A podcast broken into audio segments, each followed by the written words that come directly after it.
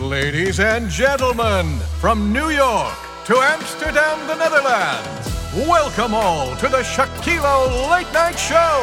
And here he is, none other than your favorite host, the Beast, the man who has endless discussions, even on Sunday, Mr. Wild Style, Shaquilo.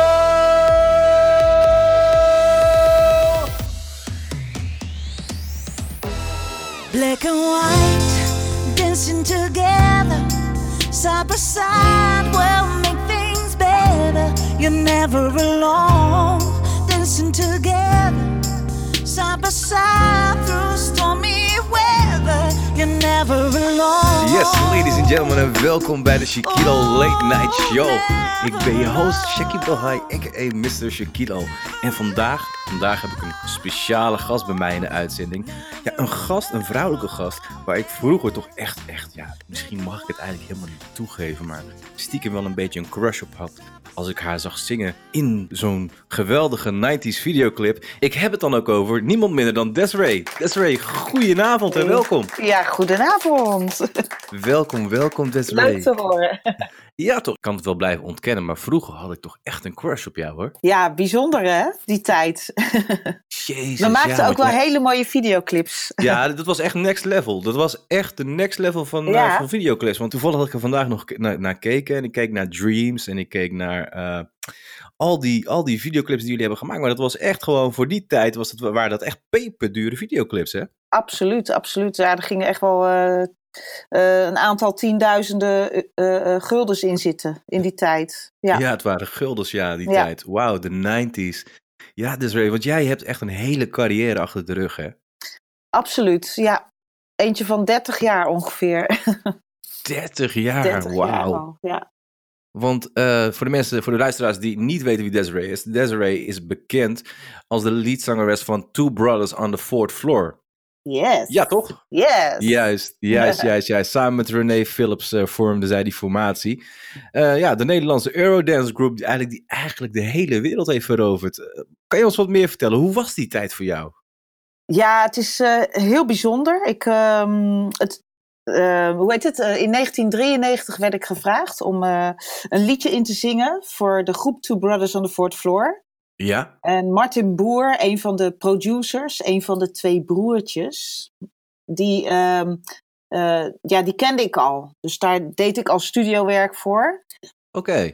Ehm, en hij vroeg mij of ik dit nummer Never Alone wilde inzingen. Want voor die tijd hadden ze twee jaar eh, met verschillende zangeressen gewerkt. Studiozangeressen. Oh, dat was niet echt één, eh, één zangeres of zo Nee, destijds. nee, ze hadden twee Ja. nummers uitgebracht met twee verschillende zangeressen.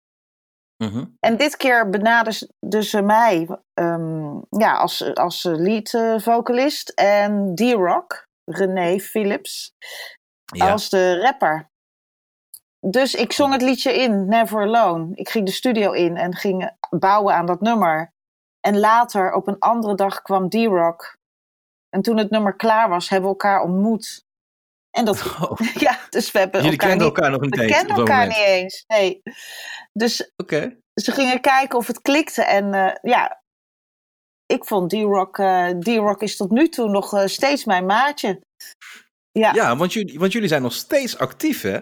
we zijn nog steeds actief. Ja, tussendoor ja. zijn wij eh, in 2000, jaar, het jaar 2000 zijn we ongeveer dat jaar zijn we gestopt met optredens. Toen heb ik ook echt gezegd van, we, s- ik eh, stap uit de groep.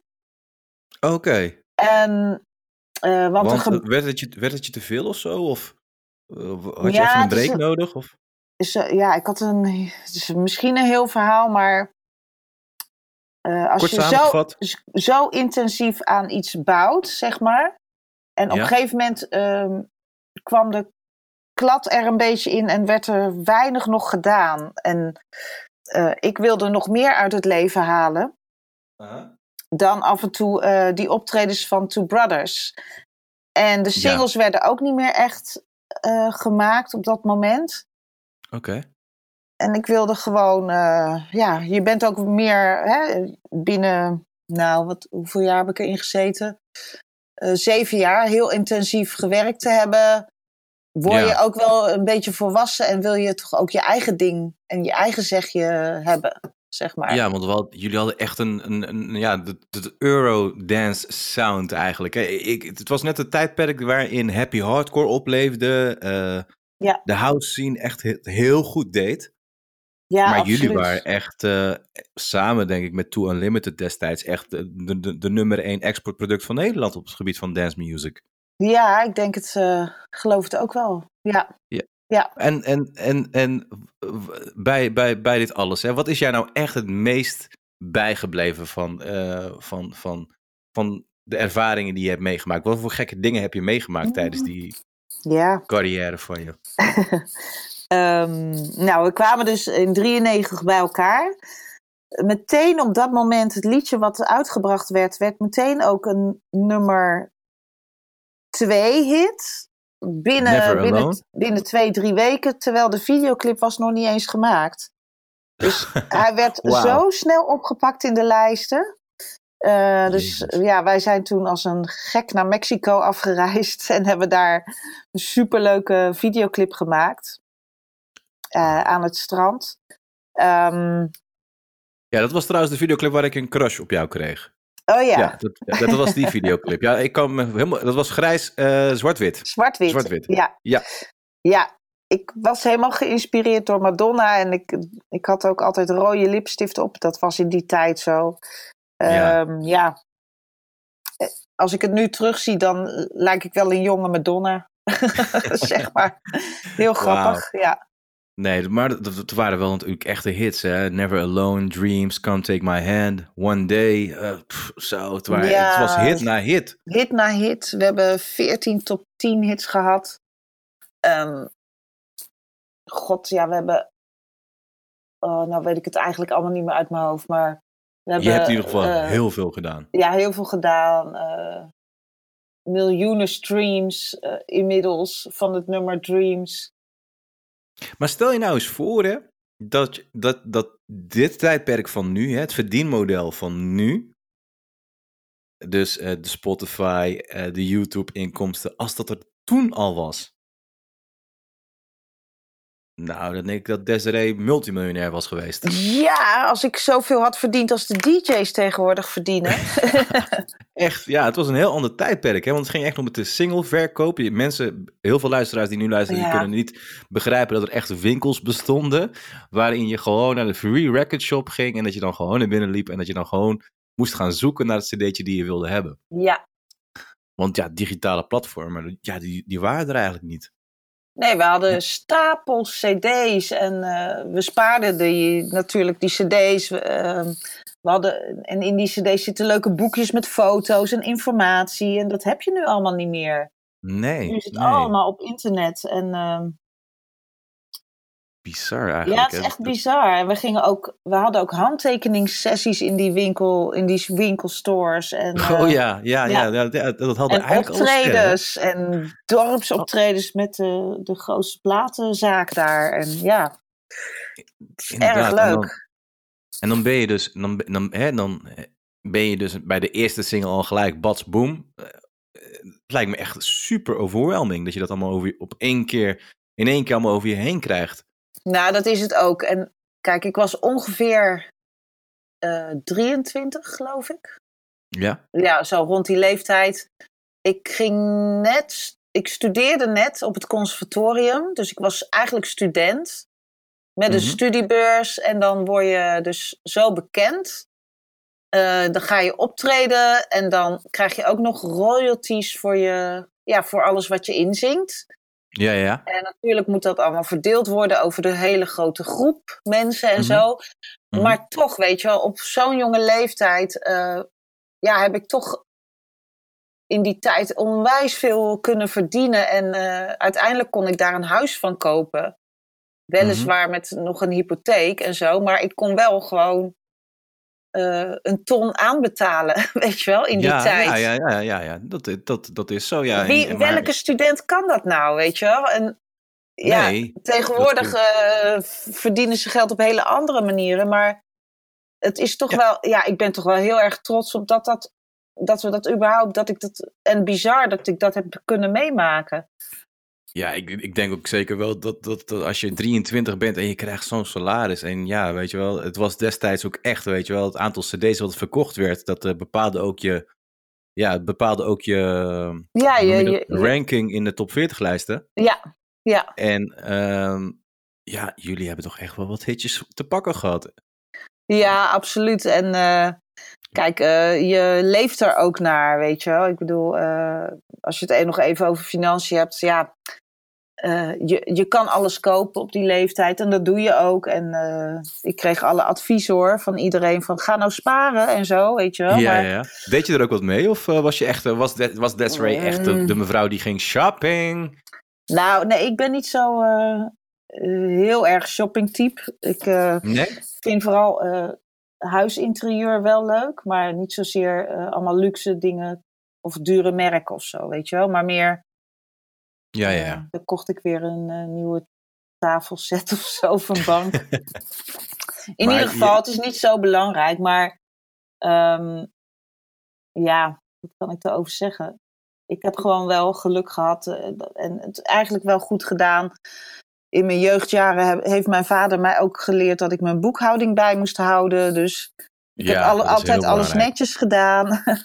Nee, maar dat is ook heel belangrijk. Belasting afgedragen, dat soort dingen. En uh, niet in de problemen komen. nee, maar Desiree, ben je dan... Hè, dat vraag ik me dan gewoon echt af. Hè. Heb jij dan, omdat je op zo'n jonge leeftijd al een ster was... niet een stukje van jouw jeugd gemist of zo? Kon je nog wel de dingen doen die je normaal deed? Of nou. heb je het gevoel achteraf van, nou, ja, het was best wel moeilijk voor mij om mijn leven te leiden zoals ik dat wilde? Nee, eigenlijk helemaal niet. Um, muziek is altijd mijn passie geweest van lagere school af aan. En ja. ik heb alles altijd aangegrepen om uh, te kunnen zingen. Dus uh, voor, voordrachtjes, daar begon het mee vroeger ooit. Voordrachtjes geven voor de familie, op school. Ja, ja. Uh, in het schoolkoor, in de schoolband, in de dorpskoor. Uh, dan mee gaan doen aan talentenjachten. Nou, totdat er op een gegeven moment ja, landelijke tv kwam waar, waar je kon zingen.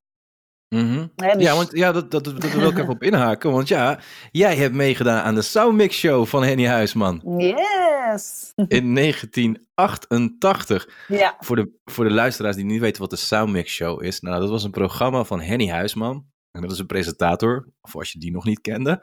Maar de daarin... sympathiekste presentator. De sympathiekste presentator, ja. inderdaad. En uh, ja, die, uh, ja, die gaf. Uh, ja, kan, hoe kan je het eigenlijk vergelijken? Ja, niet met idols. Je kan het niet vergelijken met idols. Je kan het niet vergelijken met The Voice. Nee, als artiest zijnde deed je eigenlijk gewoon mm. zingen, hè? playbacken. Ja, het begon met de mini playback show en toen de playback show. En later werd het de soundmix show. Um, ja. En dan ging je echt. Um, dan was ik bijvoorbeeld. Ik heb uh, Arnita Meijer nagedaan. Ja, Anita Soundmix Meijer. show. Uh, daar doe je iemand na en dan moet je zo goed mogelijk als diegene klinken. En, en zo ook daaruit zien, weet je wel. En in die tijd hadden we de Michael Jackson en de Madonna's. En, ja, ja, ja. Uh, Diana ja, zijn, Ross, Whitney Houston. maar er zijn echt wel grote sterren vandaan gekomen, zoals Ja. jou, maar ook Marco Borsato, hè? Die is daar, die is daar ook bekend van geworden. ja, en Gerard Joling en Glennis Ja. Grace. Die, eh, Ja, die zijn echt allemaal groot geworden, dat programma. Dat weten heel veel mensen niet natuurlijk van de, de nieuwe generatie. Maar daar is het eigenlijk allemaal begonnen. Want eh, eh, even een feitje. ehm, tijdens die finale, want jij bent doorgebroken tot de finale, ja, lag heel Nederland telefonisch plat, hè? ja. Heel bizar. Ja, De telefoonlijnen lijnen lagen gewoon plat. ja. Men kon gewoon door het aantal mensen wat allemaal loopt, liep te bellen en te doen. Want ja, destijds moet je stemmen natuurlijk met, met je telefoon. Je belde, hè? Ja. Je belde En, met je huistelefoon. Ja. En volgens mij hadden we nog geen mobiele telefoon, toch? In die Nee, tijd. nee, nee, 1988. Nee, nee, Nee. Dat, dat geloof ik ook kwam niet. later pas. Dus iedereen, eh, ja, het, had, het, had, het was eigenlijk zo populair. We hadden ook weinig op tv. Hè? Dus moet je voorstellen, Nederland 1, 2 en 3, geloof ik. Ja, En voor de rest misschien Veronica. ja. En, maar we hadden nog niet zoveel zenders. Dus eigenlijk heel Nederland keek naar de Soundmix Show. Nee, inderdaad. Iedereen, iedereen keek daarnaar. En ja, daar ben je uiteindelijk uh, hoeveelste geworden? In de finale uiteindelijk derde. Ja. Derde. En ja, nou, John goed. Denver in dat jaar werd eerste. John Denver, oké. Oké. Ja, en toen, ja, toen, toen was je eigenlijk al bezig, hè? Want 1988, daarna ja. Two Birds on the Fourth Floor. Ja, dat, dat is eigenlijk mijn. Dus de Sound Shows mijn doorbraak, landelijke doorbraak een beetje geweest. En Mhm. daarna, um, ja, van het een komt het ander. Dus je, ik leerde Martin Boer kennen, een van de producers van Two Brothers. Ja. Maar geen idee uh, wat hun deden en zo. En ik deed studiowerk voor, hun, voor hem. Oké. Okay. Dus koortjes en uh, shouts uh, in liedjes. Oké. Okay. Hey, en, en, en Azië. In Azië waren jullie ook best wel groot, hè? Um, nou, Azië niet echt direct hoor. Nee? Nee, wel, maar ik bedoel, welk, welk land waren jullie echt groot, groot? Dat je, uh, dat je echt nou, als een koning werd behandeld? Brazilië. Oh, Brazilië, wow. ja, ik krijg nog dagelijks uh, fanmail uit Brazilië en Peru. Peru zijn we nog een aantal keren geweest. Canada, ja, dan heb ik het even over verre landen. Dat zijn niet echt de, de landen waarvan je het verwacht eigenlijk. Je hebt Brazilië, Zuid-Afrika trouwens. Ze hebben, ze hebben ook veel tv gedaan. En uh, ja, in elk land kwamen er ook weer andere soorten nummers uit dan in ons land. Mm -hmm. Dus hier kwamen wel... Kijk, de grootste hits waren wel Dreams and Never Alone. Mm -hmm. En Can't Take My Hand. En uiteindelijk op het album stonden ook nog allerlei andere liedjes. En dat waren weer hele li populaire liedjes in andere landen. Dus dat is nee. ook wel weer heel grappig. Ja, elk land had weer zijn eigen ja, populariteit qua liedjes. Ja. Lijkt me echt zo super. Dan reis je de hele wereld af. En dan heb je natuurlijk ook heel veel landen gezien. Wat ja. is nou echt jouw favoriete land, Des? Oeh. Oh jeetje. Mm. Choose one. Heel moeilijk. Um, nou, ja, Peru is toch wel. De laatste paar jaar zijn we naar Peru geweest. Um, na twintig jaar konden we eindelijk daar optreden. En ja, dat is toch wel heel bijzonder. Die mensen die zijn zo dankbaar. Maar ik kan eigenlijk niet kiezen hoor. Want uh, in Noorwegen en Scandinavische landen zijn we veel geweest. Tsjechië, Bulgarije. Uh, ja. Oh, die sferen daar. Het is zo, zo leuk, weet je wel. De mensen zijn zo uitgelaten. En die zijn zo dankbaar dat ze je een keer in het echt mogen zien. Wat dat betreft. Kijk, Nederland Ja. is heel klein. En uh, op elke hoek van de straat kan je wel iets uh, zien, weet je wel, in Nederland. Ja, ja, ja, klopt. Maar daar, dat zijn best grote landen. En daar wordt ook niet zoveel georganiseerd als hier. En dus als ze dan een keer ergens naartoe kunnen waar ze echt voor moeten sparen. Ja, Mhm. dan is dat wel iets heel, heel uh, een, echt een happening voor die mensen. Hey, en dat, dit deed je natuurlijk met. Dit deed je natuurlijk met uh, René Philips, hè, a.k.a. D-Rock. D-Rock, yeah. Hey, uh, vertel me, dachten mensen nooit dat jullie een koppeltje waren of zo? Ja, volgens mij wel hoor. Volgens mij. Uh... ik, dacht het, ik dacht het namelijk zelf ook altijd. Echt van, oh, dat, is de vriend, dat is de vriend. Oh, we Ja, hebben nee, nooit die suggestie gewekt of zo. Nee. Nee, nee, maar Uh, het, het, het, het- idee denk ik of zo, weet je wel. ja. Maar wat ik, wat ik wel heel mooi vond aan Two Brothers on the Fourth Floor is, ehm, het was denk ik de eerste, dat nummer dat ging als eh, Black and White Coming Together. Da, da, da, da. Nou, ik, ik kan het li- het liedje, dat kan jij beter dan ik natuurlijk, maar Mhm. het was, het was denk ik de eerste formatie waarin, ja, Black and White zat in. Nederland. Dat is, ja, want er, er was niemand anders Mm. daarvoor die Black and White, ja, combineerde. Want het was een rapper, dus Ja. slash urban. Ja. En het was een mooie, prachtige Nederlandse meid met blonde haren. Ja, en ik weet niet welke kleur ogen, maar blauwe ogen. Ja. ja, een beetje Dat- dat- groen met gra- eh, goud. Ja, nee, maar dat was er toen nog niet echt. Ja. Ik, ik denk dat jullie dat toch echt wel uniek daarin zijn geweest. ja, Ja. maar je staat er helemaal niet bij stil hoor. Nee, nee, nee. Nee, maar voor, voor die tijd, eh, Ja. weet je, kijk, wel- wellicht stond jij er niet bij stil, maar ik was natuurlijk een, een, een luisteraar en een fan. En ehm, ik moet zeggen, kijk, ik heb dat wel zo gezien. Ja. Want eh, ik, ik weet dat het destijds in de jaren negentig was het qua racisme ook niet echt eh, lekker in Nederland. Het ging niet echt lekker. Klopt. En ik ja. weet dat, dat, eh, dat, dat jullie toch wel op een of andere manier de verbondenheid lieten zien. En Ja. dat zag je echt in, in die clips. En dat vind ik een heel mooi aspect. En dat, ja, dat, zie je, dat zie je nou hedendaags ook bijna niet meer terug.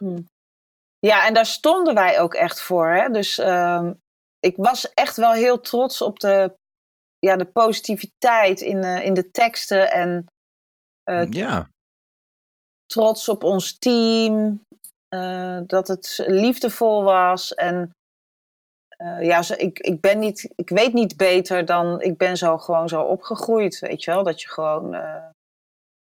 je bent Ja. kleurenblind. ja, dat, ooit, ooit op de lagere school. Dat was een, dus een herinnering van mij. Mhm. kwam er ooit een, een Marokkaans jongetje voor het eerst op school. Nou, dat was een hele happening. Eh, maar we hadden ook, eh, ja, een Indisch jongetje in de klas. Maar ik zag dat, ik zag dat gewoon niet, weet je wel. Je, je, ehm, ja, de een heeft een kleur, de ander niet. De ander is wit of blank of, weet je wel. En ik vond het altijd zo mooi. Ik had zoiets van, oh, laat me ook zo bruin zijn, weet je wel. Vond het gewoon mooi. Voor de rest stond ik daar niet bij stil of zo. Dus ja, het Nee, is later toch- pas gekomen, denk ik. Nee, maar toch is het wel, ik vind het toch wel heel belangrijk om het te benoemen. Want eh, kijk, eh, ik, ik snap dat je het als artiest op dat moment niet echt door hebt of zo. Maar het, jullie brachten echt verbondenheid. Dat vond ik echt. Jullie brachten Ja. echt verbondenheid. En de- dat, dat is me En- bijgebleven tot de dag van vandaag nog. En dat is wat, wat muziek doet. Eh, muziek kent geen kleur, weet je wel. Muziek is eh, verbinding maken, connecten met mensen, met elkaar en, en voelen. En tot je emotie komen. En Ja, dat, eh, daarom. en dat kan je, ja, positief en Hey. negatief gebruiken natuurlijk. Maar wij, ging, wij gaan voor het positieve. Ja. hey, maar eh waar. Je bent hier natuurlijk. eh, wij- ik willen jou natuurlijk beter leren kennen, allemaal. Die jongens destijds. Had je toen destijds wel een vriendje of zo? Toen je, toen je echt zo hot was? Ja. Ja, ik, eh, even kijken hoor. Ik ging studeren op het conservatorium voordat ik in Two Brothers terecht kwam. Ja. En toen leerde ik al vrij snel mijn eh, ex-man eh, kennen, de, Jeroen. En Jeroen was een vier à vijf jaar ouder. Dus Ja. die was ouderjaars op het conservatorium. Oké. Dus we zijn eigenlijk qua stu eh, ik was student en toen eh, kwam ik me ja, destijds eh, Oh, maar dat zegt heel veel trouwens over jou, weet je dat? vriendje tegen. Ja. Nee, maar het zegt Oh, heel veel. dan? Dus je was, ja? je, je, je was niet het type dus die dan allemaal, allemaal vriendjes erop aanhield en zo, et cetera. meer. Helemaal niet. Nee joh. Nee, je bent Eigenlijk, echt ik ben altijd heel verlegen geweest. Dus ehm, ja? kijk, dat, dat, dat ik kon stralen op de bühne, dat, dat kon ik even lekker tekeer gaan. Maar eh, ja, Mhm. ik was een nou. vrij verlegen en, en een bleu meisje uit Limburg. ehm, wat nog heel veel te leren had eigenlijk. Maar toch, het is, het is, ik vind het, ja, je hoort het niet vaak hoor, wat je nu zegt. Dat, er, dat je hè, op zo'n jonge leeftijd toch al met je man bent gebleven. Want ik bedoel, het lijkt mij super moeilijk om dan de relatie nog ja, stabiel te houden. Omdat je natuurlijk heel de wereld afreist en super druk bent. Ja. Maar je bent toch en al, is, het- is, is het goed gebleven? Ja, ik, nou, ik, ben, ik ben echt een heel trouw persoon. En eh, wat dat betreft ben ik een, een, een dubbele schorpioen. Dus ik Mhm. eh, hou ook echt heel erg vast aan. ehm, ja, Oké, dus wat ik, ja, wat ik heb gelezen is dat jullie sinds 1991 al samen waren en trouwden op 30 juni 2009. klopt. En in 2016 ging het stel uit elkaar. Juist.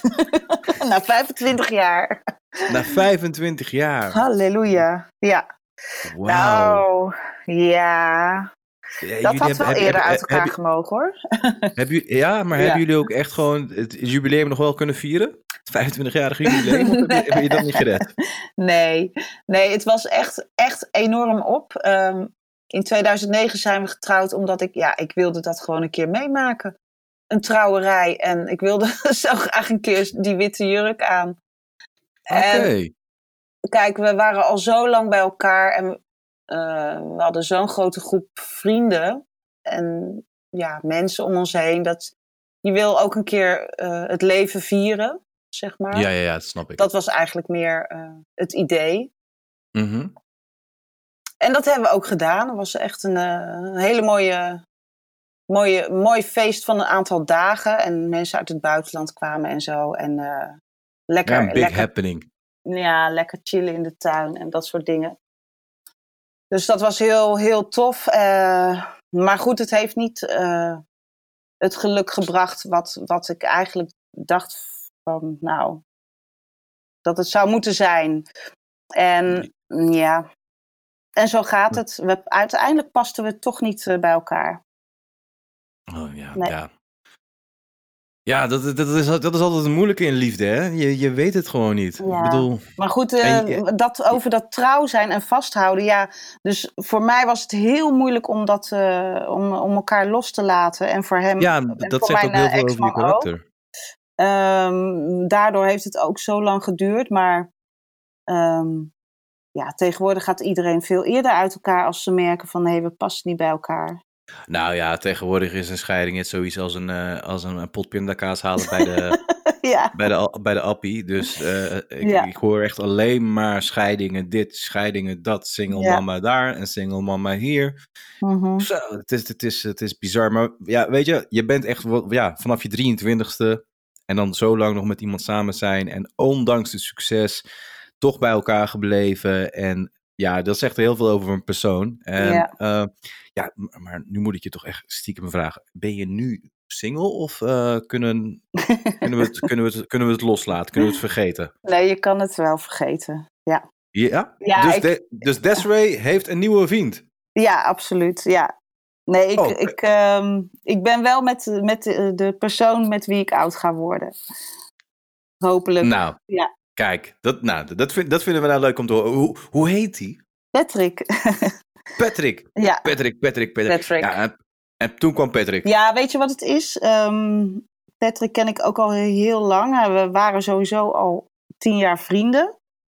Aha. En ehm, onze energie past gewoon heel goed bij elkaar. En we hebben het heel fijn en gezellig. En ik wist niet... dat wacht het even. bestond. Ja, Laat me raden. Patrick doet ook iets in de muziek. ja, ja. Ja, Ja. daar ga je al, hè. Soort zoek soort zeggen ze altijd, hè. Toch weer eh, iemand uit de muziek. Nou, wauw, leuk man. Hoe lang zijn jullie met elkaar samen? Eh, vier jaar nu. Oh, vier jaar. Oké. Wauw. Ja. wel, ik, vind het, ik, ik vind het hartstikke mooi. Ik ben, ik ben natuurlijk ook, ik vind het ook super leuk voor jou. Eh, Dankjewel. Maar er is wat gebeurd, hè? In deze Oh. afgelopen jaren bij jou. Zo, nou. Ja, ik, Ja. Want ik, ik, ik, ik weet nog goed waar ik was. Ik was thuis en ik, eh, ik heb jou eh, op Facebook als vriend. En eh, ik las ineens een artikel, een bericht, een Facebook-post die je plaatste, dat jij Mhm. ja, aan een, een vreselijke strijd was begonnen Ja, met de ziekte borstkanker. ja dat klopt. Ehm, vorig jaar voor de kerst is het bevestigd dat ik borstkanker had. En ehm, ja, dat, dat, eh, Wauw. ja, je leven dat, dat staat in één keer stil. Ja, want Mhm. hoe- ja, weet je, eh, je bent nog zo jong. Ja, ik, eh, Ja, ja, je, ik ja, heb nog heel wat jaren voor me inderdaad. En eh, ik had zoiets van, jeetje, ik wil helemaal niet dood. Nee, nee, maar dat begrijp ik ook wel. Maar wat, eh, hoe, hoe, hoe, hoe kwam je erachter? Laten we daarmee beginnen. Ja, ja dat is toch wel. ehm, ik had allerlei klachten, moet ik eerlijk zeggen. Ehm, en dat begon met eh, ja, toch wel eh, stekende pijnen. Dus af en toe had ik kreeg ik echt van die steken in mijn borst. Maar ik dacht dat het, ja, ik, eh, ik fitness, zeg maar. En ik dacht dat het lag aan de, dat ik een beetje een zwakke kant had. Dus dat mijn rechterschouder en dat hele gebied, Ja, ja. dat het gewoon een zwakke kant was. En dat het qua spieren niet zo sterk of zo. Dus, ehm, nou dat, dus die ja pijntjes. je, ging er, ja. je ging er eigenlijk vanuit dat hè, door, door trainen dat, dat je gewoon een slechte kant hebt ergens. Je linkerschouder tot aan je borst en dat het gewoon niet lekker zat. Ja, en dat heeft eigenlijk al heel lang duur. Dat heeft, misschien is dat wel twee jaar lang al geweest. Uh, Het eerste jaar dacht ik van, nou, het, is, uh, aan het ligt aan het trainen of het is mijn zwakke kant. Maar vorig jaar, op een gegeven moment geloofde ik het gewoon niet meer. Toen had ik zoiets van, nee, er is echt wat aan de hand aan die kant. En, uh, maar goed, in 2013 heeft mijn moeder borstkanker gehad. Vreselijk. En ze is gelukkig genezen -huh. daarvan. En uh, maar goed, sinds die tijd, al die jaren, ben ik altijd mezelf aan, aan checken gewoon of er geen knobbeltje zit. Hè, dat zeggen ze ook altijd. Op een gegeven moment uh, kom je in een soort van risicogroep. En dan Mhm. moet je toch altijd even ja, jezelf checken. Van, voel je geen knobbeltjes of rare dingen? Maar een risicogroep omdat je dus, jouw moeder had het al. Ben je dan Nou, automatisch ik- risicogroep of hoe moet ik het zien? Nee, omdat, uh, kijk, al jarenlang komt borstkanker zoveel voor. 1 op de 7 vrouwen krijgt borstkanker. Uh, Oké. Ja, het, zijn, het zijn toch, ik vind, het, blij- ik, ik vind elke, elke, elke vorm van kanker vind ik heel erg. Maar, maar ook elke, elk getal van kanker vind ik heel erg. Want het is gewoon een Ja. vervelende rotziekte. Ja. Maar ga door, want je had op een gegeven moment had Ja, je dus iets dus, gevoeld. Dus uh, nou, op een gegeven moment uh, voelde ik wel een uh, harde plek in mijn borst. Plus die stop, steek. Stop. Je voelt een harde plek in je borst. Wat gebeurde er op dat moment met jou, Des? Ja, toen wist ik het eigenlijk. Toen had ik zoiets van: dit is echt niet goed. En toen dacht ik meteen aan: oh, dit is borstkanker, weet je wel. Um, dus die link, die legde je al gelijk. Ja, meteen. En uh, kijk, ik dacht nog wel: het kan zijn dat ik geluk heb. Want mm -hmm. in 2013 heb ik ook mijzelf laten checken. Omdat mijn moeder het kreeg, mocht ik ook naar het ziekenhuis voor de echo. Ja, en toen, uh, ja, toen was, er, was alles positief. Dus had ik niks ernstigs. Alleen, um, hoe noemen ze dat nou? Kiestes. Ja, ja je ja. kan vochtkiestes hebben. En Mhm. dat mm -hmm. kunnen ook harde plekjes zijn. Dus je kan okay. ook daardoor pijn hebben in je borst, zeg maar. Dus, uh, en dat, maar dat, kan, dat is allemaal goed aardig en zo. Maar in dit geval had ik zoiets van: nee, ik voel me al uh, het hele jaar door niet zoals ik me zou willen voelen. En uh, ook met een aantal hele zwarte gevoelens. En zwarte gevoelens, daar bedoel ik mee echt depressieve depress depressieklachten. Maar niet zomaar. Ik had zoiets van, nou, voor mij. Terwijl ik hartstikke blij ben en gelukkig. Dus ik kon het niet plaatsen. Dus ja, je had eigenlijk, uh, moet ik het zo zien, ik als was moe. mood swings. Ik had, ja, mood swings. Enorm uh, moe op de avond. Uh, zware gedachten. Ja. Zonder enige Pijn, reden. ook wel pijntjes, ja. Zonder, zonder enige reden. En uh, ja, het ja, de, het kan zijn dat het de overgang is, weet je wel. Ik bedoel, het vrouwenlichaam verandert vanaf je 45ste. Mm -hmm. um, en heel veel mensen, ja, we, ja, er wordt eigenlijk niet zoveel over gesproken, maar uh, het kan ook heel veel klachten met zich meebrengen. Ja, want, het is, want je, wat, wat ik altijd heb begrepen is dat, ja, dat het begint met een knobbel, maar de, de, de, de bijwerkingen, ja, tenminste de symptomen die je me nu vertelt, uh, net zoals moed, dat wist ik echt niet. Dat, dat heb ik nooit geweten, dat dat ook kon. Nou, toen ik, hoorde, toen ik hoorde dat uh, ik, dus dat het kwaadaardig was, toen viel meteen het kwartje bij mij. En uh, ik, ik zag het, die, die zwarte gedachten echt als die zwarte plek in mijn borst.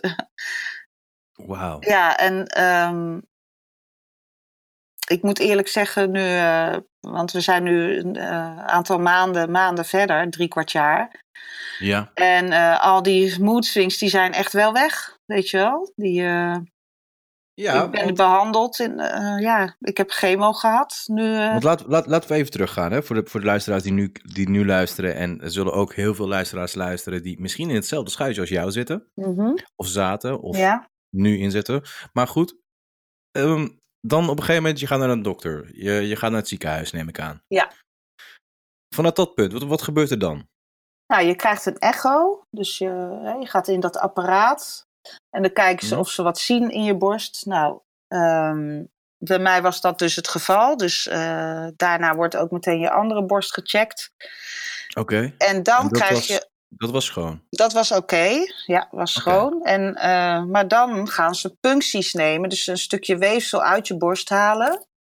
Ja. ehm, om op kweek te zetten en te kijken wat voor soort, ja, hoe kwaadaardig is het? Hè? En wat Ja, voor ja. type, hoe ziet die kankercel eruit? Ehm, nou, en dat hebben ze gedaan. En ik had, eh, ja, je moet je voorstellen, een rondje met drie uitstulpsels. Dat is dan één cel, één kankercel. De, dat was dus mijn type met drie uitstulpsels. En, ehm, maar sommige mensen hebben er met twee uitstulpsels, sommige met vier. Dus Oké. eigenlijk het bolletje wat je op tv ziet van de corona, met al die. eh, Ja, ja, oké. Ja, met spikes ja, erop. ja. Ja. Nou, dit was dan een bolletje met drie. Zo hebben ze het mij uitgelegd. In ieder geval. En eh, om het te visualiseren. En krijg je dan ook echt een... eh, hè, je bent op dat moment in het ziekenhuis. kre- Kreeg je dan ook echt zo'n bad nieuwsgesprek, weet je wel? Het slechte nieuwsgesprek? Ja, want ze kunnen niet meteen eh, zien hoe of wat. Dus het was even een paar dagen, moest ik naar huis natuurlijk en afwachten. Toen moest ik terugkomen op gesprek. En eh, nou, in die paar dagen had ik zoiets van, nou, maar even niet nergens aan denken. Want ja, je kan jezelf zo gek mogelijk maken. Ja. En we zien het wel, dacht ik. Eh, maar ik had altijd wel zoiets van, nou, het, komt goed, hoe dan ook. Nou, in dat Ja. gesprek hoorde, kreeg ik dus te horen dat ik een, eh, ja, een kwaadaardige tumor had in mijn borst. Nou, Ja. en dan staat je wereld natuurlijk wel op zijn kop. Aansluitend daar eh, moest ik nog in allerlei andere scans. Dus eh, je krijgt een CT-scan en een.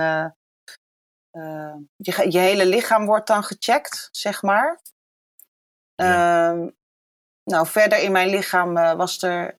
Er kunnen ze ook allerlei andere dingen zien door zo'n. als je in die scan gaat. Ja, ja, ja. Ehm, en ze kunnen ook uiteindelijk zien ze hoe groot de tumor is. En bij mij was de tumor al heel groot en die was 5,5 centimeter groot. 5,5 centimeter. Ja. God. Dus dat is eh, echt heel groot, want eh, ja, Zo, ja. in de meeste lijkt- gevallen is het 2 centimeter of 3 of 1. Maar 5,5, daar schrok ik toch ook echt wel heel erg van. Maar in eh, dit, dit, het, slechte, het slechte nieuwsgesprek, dat kreeg je in welk jaar? Dit jaar? Dit jaar. Nee, wacht even. eh, nee, nee, eind vorig jaar. Eind vorig jaar. Voor de En in kerst, ja. En in 2013 heb jij je eigen laten checken. Ja, Oké, dus toen was ik nog 2014, schoon. ja. 2014, 2015, 2016. Dus er zijn totaal vier jaar. 17, 18, 14, nou, 14, 15, 16, 17, 16, 18. 17, 18. Ja, Ja, toch wel nou. 5 à 6 jaar. Hebben ze nooit tegen jou gezegd van, eh, blijf, blijf terug op controle komen? Nee. Nee. Oké. Ehm, omdat er eigenlijk. Kijk, stel dat het. eh, stel dat mijn moeder. Mijn moeder was eigenlijk al eh, over de leeftijd heen. Ja. Dus die was 63 toen ze het kreeg. Mhm. Ehm, stel dat zij jonger was geweest. En mijn tante heeft ook borstkanker gekregen. Stel Ja. dat we allemaal eh, jonger waren, dan eh, is er nog een kans van erfelijkheid, weet je wel? Dus dat het in je genen zit. Maar dat was bij jou niet het, niet het geval? Of wel nee, is bij mij niet het geval. Dat verklaart natuurlijk dus ook waarom je geen controle hebt gehad daarna. Ja, dat is Nee, dat, de, de ja. verklaring voor die. eh, Stel dat ze allemaal jonger waren geweest, dan had ik zeker op controle gemoeten. ja, nee. Maar dan ben je dus... Dan heb je dat nieuws gehoord. en Je, je gaat CT-scan in. eh, de medische molen ga je in. Maar emotioneel, wat doet dit met... Wat heeft dit met jou gedaan dat je op dat moment... Ja, wat gebeurde er in je leven? eh, ja, hoe, hoe zat het precies? Wat voelde je? Ah, ja. Was je bang? Was je bang? Dat, dat ik dat voorop stelde. Hmm. Ik was in eerste instantie niet bang. Ik eh, ging in de overlevingsmodus, dus eh, in de vechtersmodus. Van, en had zoiets van, nou, we gaan hier gewoon eh, uitkomen. En dat komt ook een beetje doordat de arts mij vertelde van tegenwoordig hebben we hele goede behandelingen. Mhm. Ehm, en we gaan zorgen dat jij beter wordt. Kijk, ze kan natuurlijk niks beloven. Even Mhm. ervan uitgaan dat het niet uitgezaaid was. Ja. Ehm, maar de, de felheid van de cellen die in me zaten. Dus eh, kijk, je hebt hele agressieve cellen. En die van mij Ja. is, is, was medium. Die was niet zo heel agressief. Laat ik het zo zeggen. Dus ehm, de behandeling die ze daarvoor hadden, daar hebben ze over het algemeen eh, hele goede resultaten mee. Met de kankersoort die ik had. Dus dat gaf mij ook echt een gerustgesteld gevoel. Nou, weet je, eh, voordat je verder gaat, we gaan er even tussenuit voor deze kleine break.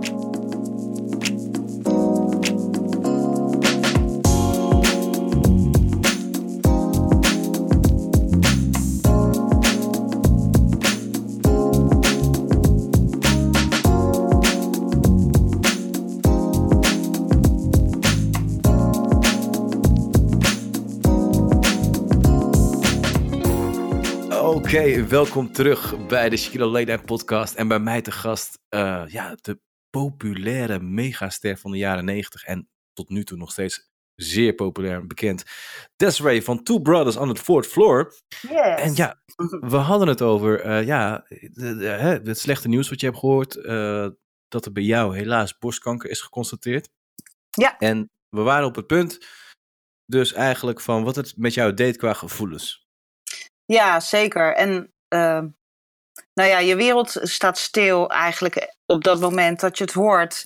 Ehm, ik denk dat de meeste vrouwen wel eraan denken van... hé, hey, wat zou het zijn als het mij overkomt? Weet je wel? Omdat het, je hoort het zo vaak. En ja, sommige mensen hebben het eh, helaas al in hun eigen omgeving meegemaakt. Ja. Maar we zijn er altijd wel ergens in ons hoofd mee bezig.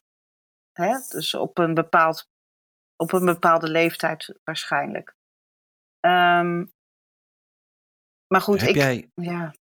heb jij, ja, sorry dat ik je onderbreek, maar heb jij, je zegt zelf van, ik, ik, ik, ik ik ben in een overlevingsmodus gaan, mhm. gaan staan. Ja. Op het moment, ehm, heb jij ooit gedacht aan de dood? Op dat moment? Op dat moment niet. Nee. Wel Nee. later, Ja? ik, eh, toen ik eenmaal in mijn chemo zat. Ja, want, ja, want je gaat in een chemo, dat is, ik, ik- wat ik alleen maar hoor hè, eh, van mensen, is dat het heel, heel, heel zwaar kan zijn. Dat is het ook. Ja. Want wat, Ehm, hoe gaat dit? Hoe werkt dit? Het Leg, Nou, ik, ik zal zo zeggen, eh, in mijn geval, ze kijken per persoon. Dus in mijn geval kreeg ik eerst eh chemokuren. En daarna zou ik een operatie krijgen. En nog bestraling en een hormoonkuur. Van vijf jaar pillen slikken. Wat er nu eh, gebeurd is bij mij, is ik heb eerst chemo gehad. En dat was vier keer om de week had ik een hele zware kuur. En daarna twaalf weken lang een lichtere kuur. Totaal is dat vijf maanden bij elkaar. Dus ik heb vijf maanden aan de chemo gezeten. Ge- begonnen in februari en eh, eindigend in juni eh, dit jaar, in 2020. Ehm, nou, eigenlijk ging ik er heel goed doorheen. Maar aan het eind werd het toch wel ontzettend zwaar. Omdat je lichaam, ja, elke, elke week breekt die chemo je lichaam weer af en je cellen, weet je wel. Die maakt jouw lichaam kapot. Die maakt, die, die maakt eh, de slechte cellen kapot, maar ook de goede cellen. Dus Maar- eh, je krijgt allerlei bijwerkingen en ja, enorme moeheid. En, eh, dus het werd uiteindelijk op het eind was het wel heel zwaar. Maar ik ben er uit, ja, toch wel weer heel goed doorheen gekomen. Zonder misselijkheid en alles. Maar voor de luisteraars, hè, die wellicht aan, ook aan deze vreselijke ziekte eh, lijden of waar op dit moment in zitten, Mhm. of niet weten wat ze te wachten staat. ehm, je gaat naar een chemokuur. Uh, is dat uh, wat ik heb gezien, zitten op een stoel en je krijgt het ingespoten? Of hoe werkt dit? Ja, je krijgt een infuus, infuus in je arm. Ja. En um, nou, daar, uh, ik heb ongeveer, moest ik elke keer moest ik 2,5 uur blijven zitten. Ja. In het ziekenhuis. Je krijgt eerst een soort van zoutoplossing, een spoeling door dat infuus. En daarna okay. krijg je uh, een ander zakje. En dat is dan die chemo. Dat heeft een fluor fluoriserende kleur. Oké. Okay. Een cocktail shot. En nou, dan krijg je weer een spoeling daarna. En daarna nog een ander, andere cocktail. Dat, is dan, dat zijn dan die chemomedicijnen. En in het begin heb ik het echt gezegd van dat is mijn gezondheidscocktail. Want ik had zoiets van, ja. door deze cocktail ga ik gewoon beter worden. Oké. Okay. Uh, ja. En uh, je krijgt ook pilletjes en, en die je nog moet slikken, zodat je niet misselijk wordt. Of, uh... Maar doet het pijn op dat moment? Mm. Gewoon lichamelijk? Heb je, voel je pijntjes door de, door de chemo? Of... Nee, op dat moment niet hoor. Je, je wel vermoeid. Dus ik had een, de chemo die ik kreeg, daar werd ik heel erg moe van. Dus ik ging altijd gewoon slapen. Oké, okay, oké. Okay. Ja, nou goed, nou, dat is misschien wel heel interessant voor de, om te weten voor de dames uh, ja, die momenteel, uh, en ook de heren natuurlijk, ja. die deze behandeling aangaan. Die, voornamelijk vermoeidheid is het echt. Vermoeidheid voornamelijk. Um, goed, als ik in het ziekenhuis was, dan was er altijd de, waren daar de zusters en die moesten toch een heel gesprek met jou voeren en alles in de computer invoeren. Ja, ja, wat deze week weer gebeurd was. Dus ik kon niet uh, zeggen van nou, ik ga lekker twee uur slapen nu en dan uh, toedeledokie. Dat kon weer niet. Nee, maar, nee, dat gaat niet. Nee, vooral vermoeidheidsklachten, maar uiteindelijk ook um, ja, uh, je voeten en je handen. Je, krijg, je, het tast ook je zenuwen uiteinde aan, die chemo. Ja. En um, ja, waardoor je gewoon misschien wel pijnlijk kan gaan lopen en zo. Ja. Um, ik ben nog ben steeds ik... heel erg stram en stroef in mijn lichaam. Dus als ik lang op een stoel heb gezeten of heb gelegen, dan, loop, mm -hmm. dan moet ik eerst even.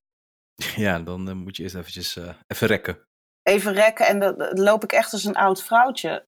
Maar dat is, is wel weer zo over. Maar ja. Ja, maar uh, dit, is er dit, wel. De, uh, het bekende verhaal van wat ik dan altijd lees over chemo's is haaruitval. Ja, oh ja.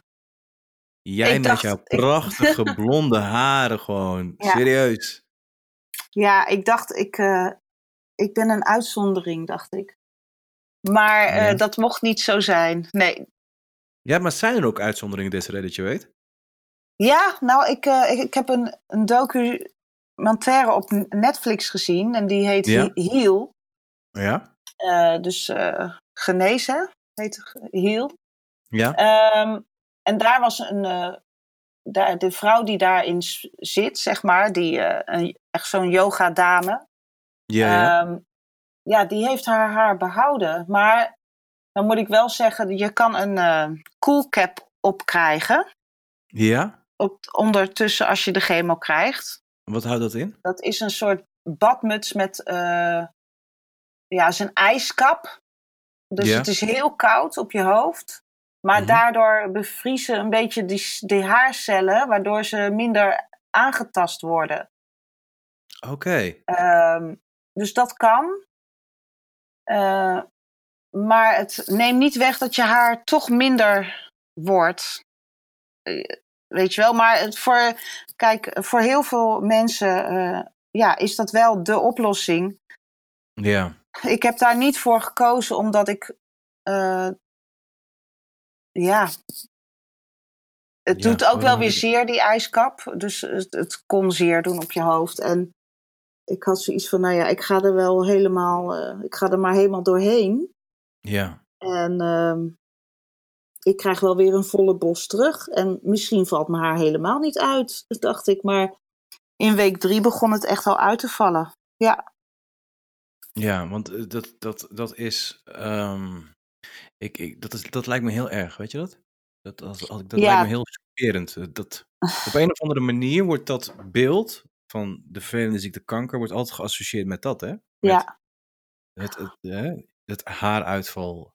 Ja, alles valt uit. Ook je wimpers en je wenkbrauwen. En, uh, ja, het is, ja, het is heel, heel heftig. Uh, ik ben er wel vol in gegaan. Ik had zoiets van, uh, ik ga pruiken kopen, haarstukjes en mutsjes. ja, want er zijn ja, genoeg ik, dingen eigenlijk die, die, die, ja, die, je toch, ja, die je toch kan gebruiken, toch? Ja, er zijn zat mogelijkheden die je, ja, die je kan opzoeken om ik had zoiets van, ik, ik uh, ga niet bij de pakken neerzitten, maar ik nee. wil gewoon... Uh, ik vind het leuk om mezelf op te maken, dus ik kan wel uh, het een en ander met make-up doen en nou, een mooie pruik op. Ja. Ik was natuurlijk al heel wat gewend hè, met optredens. Ja, natuurlijk. Gebruiken we al haarstukjes en dat soort dingen. Dus Nee, ja. maar het is misschien ook wel heel fijn voor de luisteraars om te weten, die, die, die die lijden aan deze vreselijke ziekte. Ja. Dat, je dat, dat, dat, dat er gewoon wel is. En dat, dat je gewoon wel gewoon nog steeds hè, je eigen gewoon wel gewoon kan blijven ja, mooi maken. Of hoe moet ik het zeggen? Ja. Zorgen. Ja. Vrouw voelen. Um, ik kan het niet, ik weet niet hoe je het, maar er ja. zijn mogelijkheden, toch? Er zijn bedoel... mogelijkheden, ja, absoluut. En, maar ik wil het ook niet mooier maken dan het is. Nee. Want uh, het is wel zo dat je, je peilt jezelf helemaal af. Dus uh, kijk maar, ik verloor mijn haar. Uh, door de chemo werd ik ook dikker. Nou was ik, dan ben ik altijd al een beetje stevig geweest. Um, en dan ga je wel met je kale kopje, kopje je bed in, hè? En uh, naast ja. je nieuwe vriendje, weet je wel? Tenminste nieuw. Ja, uh, jullie, waren, jullie waren in een. Nou, we zitten. Ja, ik bedoel, uh, het is wel een, een, een ding. En uh, ik heb heel wat momenten, heel wat jankmomenten gehad. Ja. Uh, en ook, uh, ook ja, jankmomenten van ik wil niet dood. Weet je wel, je, je gaat toch door allerlei fases heen. En maar alles, uh, ja, wat mij heel erg heeft geholpen, is dat ik steeds dacht van, dit is tijdelijk. Het gaat weer over. Dit is tijdelijk. Weet je wel, en je, er komt weer een andere tijd aan en het gaat weer groeien en straks ga je weer wat dunner worden. Ja, noem maar op. Alles waar je het, tegenaan loopt. Het is moeilijk om erover na, terug over na te denken, deze Desiree, hè? Ja, ja. Ja, ik hoor het aan je. Want jij, uh, je hebt op een gegeven moment heb je die chemo gehad en dan staat er een operatie te wachten. Ja. En jij hebt uh, dus eigenlijk een borstamputatie heb je ondergaan. Ja, ja. Oké. Okay, um, ja, het is. Vier weken is heel... geleden. ja, ja, ja, weet je, ik. Um, het is, het, is, het is wat, hè? Het, is niet iets wat, wat ja, kan, kan je ons meenemen in die dag? Um, ja. Ik vond het. Ik heb er. Um, uiteindelijk uh, komt die dag eraan dat jij geopereerd wordt. En ik heb maar geldt het voor iedereen? Of zijn er ook mensen van die dat niet hoeven? Het is uiteindelijk je eigen keus. Oké, okay, dus Weet je wel, jij mag wordt... zelf beslissen. De artsen die adviseren jou. En, maar jij mag zelf beslissen wat je wil. En okay. uh, ik heb nog even gedacht aan borstbesparing. Maar uiteindelijk heb ik daar niet voor gekozen. Want uh, kijk, als je borstbesparing doet, dan nemen ze het uh, gebied, halen ze weg. Mm -hmm. Stel dat het nog 2, 3 centimeter is, halen ze dat, snijden ze dat weg. Dan gaat het ja. op kweek. Je behoudt ja. je weefsel wel en je borst nog, maar je hebt een gat in je borst en dat wordt, wordt, kan weer opgevuld worden. Dat komt allemaal wel goed. Maar mm -hmm. um, stel dat er nog steeds, uh, je hebt altijd nog het risico dat met de, in de snijranden, dat daar toch een celletje achterblijft. Eén celletje kan ervoor zorgen dat je uitzaaiingen weer krijgt of dat het weer gaat groeien. En Inderdaad. dat vond ik zo'n enge gedachte. Eh, dus ik had zoiets van. ehm, ja, mijn moeder heeft toen destijds ook meteen haar beide borsten ja, eruit gehaald en een, eh, een vervanging erin gezet, zeg maar. Ja, ja. Dus, eh, en zij is toch al wel altijd een beetje een voorbeeld voor mij geweest. Van, eh, want zij ging daar zo sterk doorheen. Ehm, dus ik had zoiets van, nou, laat ik dat ook maar doen. Ja, nee, maar voor de luisteraars ook. Als je lotgenoten moet eh, adviseren, zou je ze dan adviseren om het toch echt te doen? Ehm, jeetje.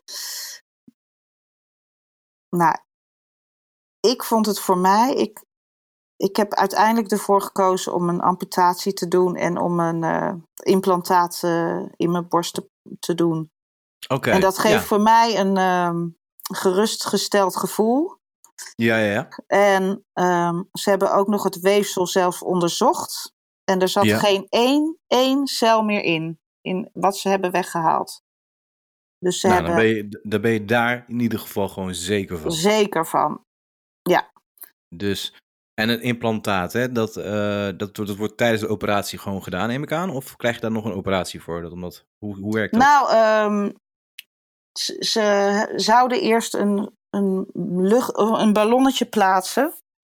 ja? Ja, ik heb, het klinkt raar, maar het is gewoon een, een eh, ballonnetje, een eh, vulling met lucht. Ja, ja. Maar dat hebben ze niet gedaan. Toen- Ze hebben meteen de implantaten erin gezet. Omdat Ja. het goed ging bij mij in de operatie zelf. ja. En waardoor ik niet meer terug hoef te komen voor een tweede operatie. Oké, oké, oké. Ehm, ben, ben je tevreden nu over die implantaten? Eh, eh, ja? Ja, zeker. ja, dus... Het ziet er dus- echt heel mooi uit. En eh, ik heb mijn huid mogen behouden en mijn tepel. Dus dat is ook nog eens mooi. Oh, kijk. Maar eh, ja, weet je, de gezondheid gaat voor alles. Dus uiterlijk Ja, nee. is, op een gegeven moment is uiterlijk dus niet meer zo belangrijk. Mhm. Eh, Voor, tenminste, wat mij betreft. Voor mij. Eh, want ja, eh, er zijn zoveel mogelijkheden tegenwoordig om. eh, ja, om Maar gewoon, was daar, ja. was na die borstamputatie en eh, de implantaat die erin is gezet, et cetera meer, was daarmee de kous af? Was je toen klaar? Ja, normaal gesproken word, krijg je nog een bestraling. Dan moet je twaalf keer elke dag eh, naar het ziekenhuis om één of twee minuten bestraald te worden. Ja? Maar omdat bij mij alles weg was, hoefde ik niet de bestraling in. Oké, oké. Nou, Dus ik heb eigenlijk het allerbeste nieuws ooit gekregen. Dat ik gewoon helemaal clean ben. Dat ik geen cel kanker meer in mijn lichaam heb. Oké. Eh, dus, en dat is echt heel bijzonder, want ehm, die 5,5 centimeter, die is dus helemaal weggegaan in die vijf maanden. En dat is een heel, heel goed resultaat. Inderdaad, maar welk, misschien eh, wel, wel leuk om te weten voor de kijkers, welk, welk ziekenhuis zat je? In Hilversum. In Hilversum. Ja. Oké, Ja. Oké, nou, maar dat is misschien wel goed om te weten voor de luisteraars. Eh, je hebt daar in ieder geval heel eh, fijne artsen gehad. En, eh, ja, zeker. Kan ze echt aanbevelen. Ja. Inderdaad. En eh, nou, dan ben je, ben je op het nieuws, heb je het nieuws gekregen. Hè? De- Desiree, je bent good to go. De borstkanker is weg. Ja. En toen? Ja, ik neem aan dat je wel echt helemaal uit je dak ging, of niet? Ik ging helemaal uit mijn dak. Ja. Ja, nee, maar ik, dat heb is echt, echt wel, ja, ik heb echt wel gejankt van blijdschap ook. En eh, ja, dat is zo mooi nieuws. Want, want weet je, je gaat wel vijf maanden door die eh, chemo heen en al die bijverschijnselen en zo. En eh, ja, was je krijgt echt, nog een tweede kans, weet je. Ja. Ja. een tweede kans. En hoe heb jij deze tweede kans nu met beide handen aangepakt? Wat ben je gaan doen? Ja. Eh, nou, allereerst doe ik heel rustig aan. nog steeds. Ja, want, want ik even, ben hè, echt wel weer aan het herstellen gewoon nog. Hè? Dus eh, Oké, maar wat, wat ik me wel afvraag is, eh, je bent ten tijde van corona, moest jij nog naar het ziekenhuis? mhm. Vond je dat niet eng, Desiree? Ja, ehm, maar het, ik moet eerlijk zeggen dat het was enorm stil in het ziekenhuis. En Oké. ik ben niet zo echt bang geweest voor de corona. En ach, ehm, uiteindelijk kreeg ik ook zelfs nog medicijnen waar een soort van anti-corona-stof in zat. Oh. Detamexon of zoiets. Detamexon.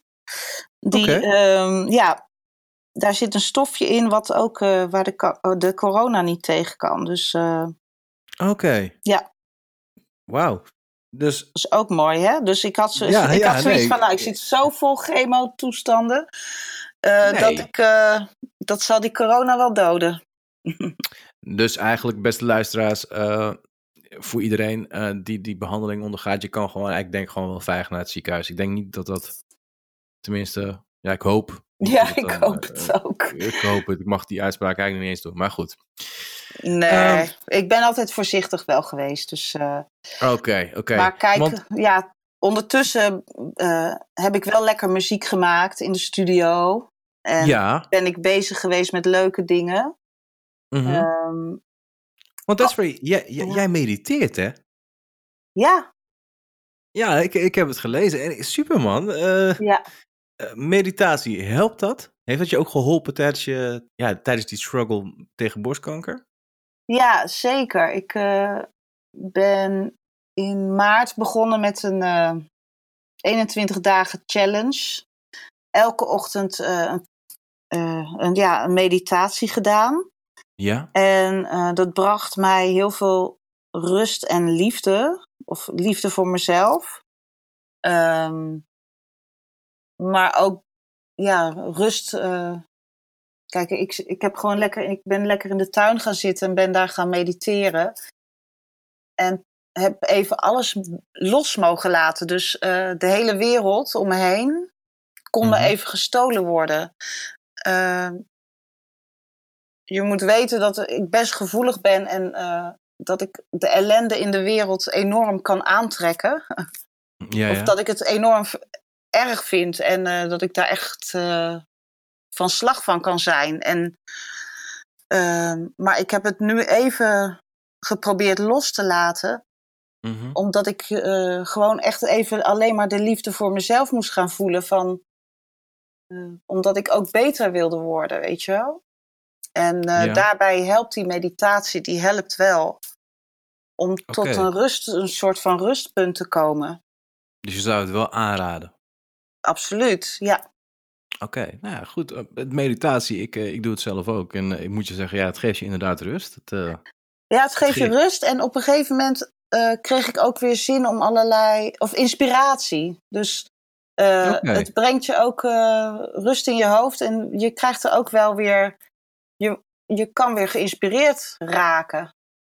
En ja. op leuke dingen, ideeën komen. Laat ik het zo zeggen, ja.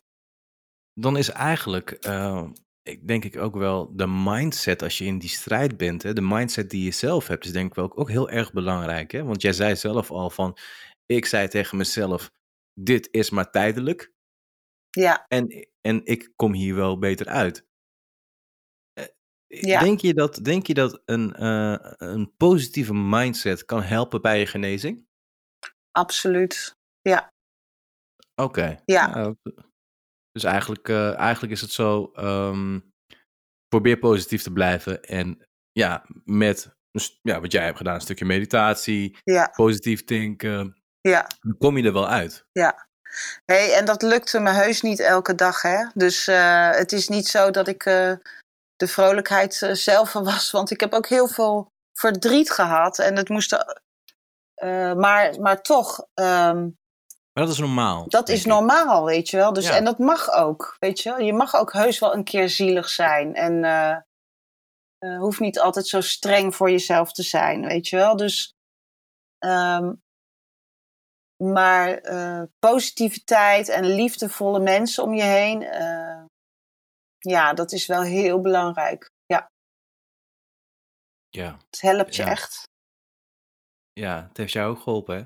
Ja, en als ik even doorheen zat, dan uh, dacht ik ook altijd aan de vrouwen die er ook doorheen gaan. En zodat ik me niet zo alleen voelde daarin. En uh, ja, dat, dat steunde me wel en dat bracht mijn gevoel weer even naar een ander toe, snap je? Dus ik weet niet zo Inderdaad. goed. Ja. Ja, ik snap wat je bedoelt. Mm. Ik snap wat je Maar wat, wat, wat, wat heel mooi is aan jou, eh, Desiree, is dat je, dat je strijdvaardig bent. En, en echt een strijder, zoals we het zouden noemen. Ja, Nee, never echt. give up. Never give up. Ja. En eh, ja, ik zag nu dus pas geleden op je Facebook-account dat je een optreden weer hebt gehad. Ja, zeker. Ja, hoe Vorig ging het? Weekend. Oh. Nou, Ja, hoe het was ging het? geweldig. Ja, het was echt ontzettend leuk om eh, sowieso om mijn groep weer te zien. En Ja? eh, met z'n allen weer die bus in te gaan. Mhm. Eh, het ging eigenlijk weer net als van ouds. Ehm, Ja. Met, Is- is- Wel met het feit dat ik nog wel wat gedachten had onder het optreden. Want ja, er waren toch mensen die zich niet aan de regels hielden. ja, En dat is best eh, wel moeilijk hoor, als artiest. Ehm, je Ja, bent zo gewend om te zeggen, say yeah! Weet je wel? En dat- de hele zaal yeah zingt. En, eh, ja. Ja, nu is het... eh, maar dat, dat, Dat- is bijna ja. niet te doen, jongen. Echt. het is bijna niet te doen. Hè? Maar, Nee, nee. maar denk jij, denk jij dat, dat, dat, dat er een manier is om corona-proof de clubs weer open te laten gaan? Ja. Ja? Denk je dat het kan? Hmm. Ja, kijk, voor dancemuziek is het best pittig om op een Ja. stoel te blijven zitten en eh, alleen maar. eh, je mag klappen, toch? Klappen en stampen. Klappen en stampen. ja. Klappen, stampen en playbacken. Ja. Maar het, Ja. het is wel mogelijk om een, eh, een heerlijk gevoel in jezelf op te wekken. Of een blijdschap, zeg maar. Ja, Dus als je die muziek hoort. En, maar je moet wel iets van kunnen bewegen gewoon. Want het lichaam wil ook ontladen, weet je wel. Het, eh, ja, het lichaam wil natuurlijk ontladen. Ik denk dat dat ook echt eh, heel veel mensen dat ook echt heel moeilijk vinden. ja, Gewoon dat ze nu, ja, ze, ze- je kan je eigen niet echt ontladen nu. Ja, op een nee, dat is. Ja, ja trimmen. eh, ja, het is echt, echt belangrijk. eh, want mensen houden nu zoveel spanning vast, weet je wel. En het is zo belangrijk dat we. Dat we toch die eh, stress die je in je lichaam ophoopt, dat dat eruit kan. Ja, En, eh, music is echt jouw, jouw, jouw life gewoon, hè? jouw leven. Ja, ik kan me niet voorstellen dat ik het niet meer, dat ik niet meer mag optreden. Of eh, dat, ik, dat we niet meer eh, de festivals kunnen doen. We, Ja, kijk, ik, heb, ik heb nog zat keus natuurlijk om eh, bijvoorbeeld eh, met alleen een gitarist of een bandje, weet je wel, Ja, ja. huiskamerconcerten, eh, kleinere feestjes, weet je wel. Mhm. Maar ehm, ja, als we maar wel het contact kunnen hebben met het publiek, dat is wel echt belangrijk. ja want dat draait artiest zijn om, hè? Ja. En je kan, natuurlijk is het leuk om je filmpje op te nemen. En eh, het is heerlijk om in de studio te zingen, om je liedje op te nemen. Vind Ja, ik echt heel leuk om te doen. Word ik ook heel blij van. Maar eh, uiteindelijk wil je het in een horen brengen. ja, en Ja, uiteindelijk wil je die connectie met het publiek. ja nee, Dus ik ben het helemaal met je eens. Want eh, ben je nog nu bezig met nieuwe muziek aan het maken voor jezelf? En voor het publiek natuurlijk? Ja, zeker. Ja, ja dat, heb ik altijd al gedaan. En eh, ik, het is nu die. Nu we zo weinig hoeven op te treden, kunnen we ook weer aandacht besteden aan andere dingen. Dus ik ben bezig met mijn album. Ja? Wat eigenlijk eh, al heel lang eh, ligt te wachten om afgemaakt te worden. Wat voor album wordt het? Ehm, ja, ik heb inmiddels al heel veel nummers eh, opgenomen. En dus een beetje in de pop-country sfeer. Dus Ja. het is geen dance, maar echt ja, mooie liedjes met een verhaal. Jouw verhaal? Ja. Eh, nou ja, een uh, universeel verhaal eh, om de kracht in jezelf te vinden, sowieso. Ehm, eh, het gaat over geloven in jezelf. eh, ja, Mhm. de hoop. eh, de, niet opgeven. En probeer je dromen waar te maken. Eigenlijk, dat is eigenlijk mijn item in mijn leven gewoon. En dat ik is heet niet voor ook- niks Desiree Desire. Het verlangen Desire. is daar, weet je. Nee, maar ik vind dat ook wel een hele mooie, een hele mooie eh, visie eigenlijk die jij hebt. En, eh, en dat vind ik ook voor bijna alle, alle mensen die op dit moment ook deze strijd eh, moeten aangaan. Weet je wel, don't ever give up, weet je. Ik bedoel, Ja. je ziet Desiree komt er ook uit. En weet je wel, ik, ik, vind, ik vind echt dat jij een, ja, je, je zou zo gerust een ambassadeur kunnen worden.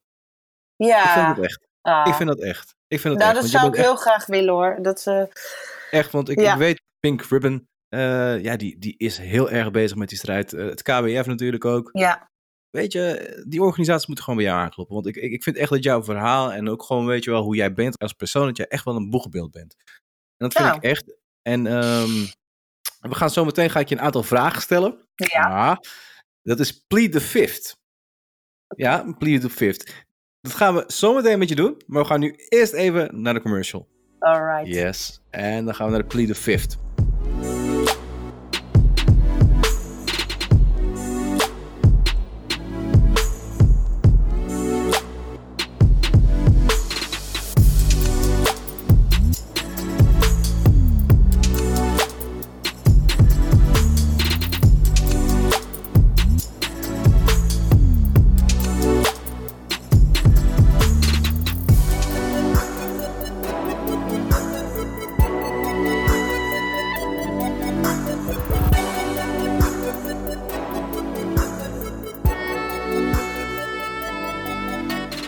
Desiree, welkom terug. Ja, Ja. hallo. Yes, plead the fifth. De spelregels zijn heel simpel. De speler krijgt diverse vragen. Elke nieuwe vraag wordt steeds persoonlijker en dat maakt het steeds moeilijker. Tot hoe ver durf jij de vraag nog te beantwoorden?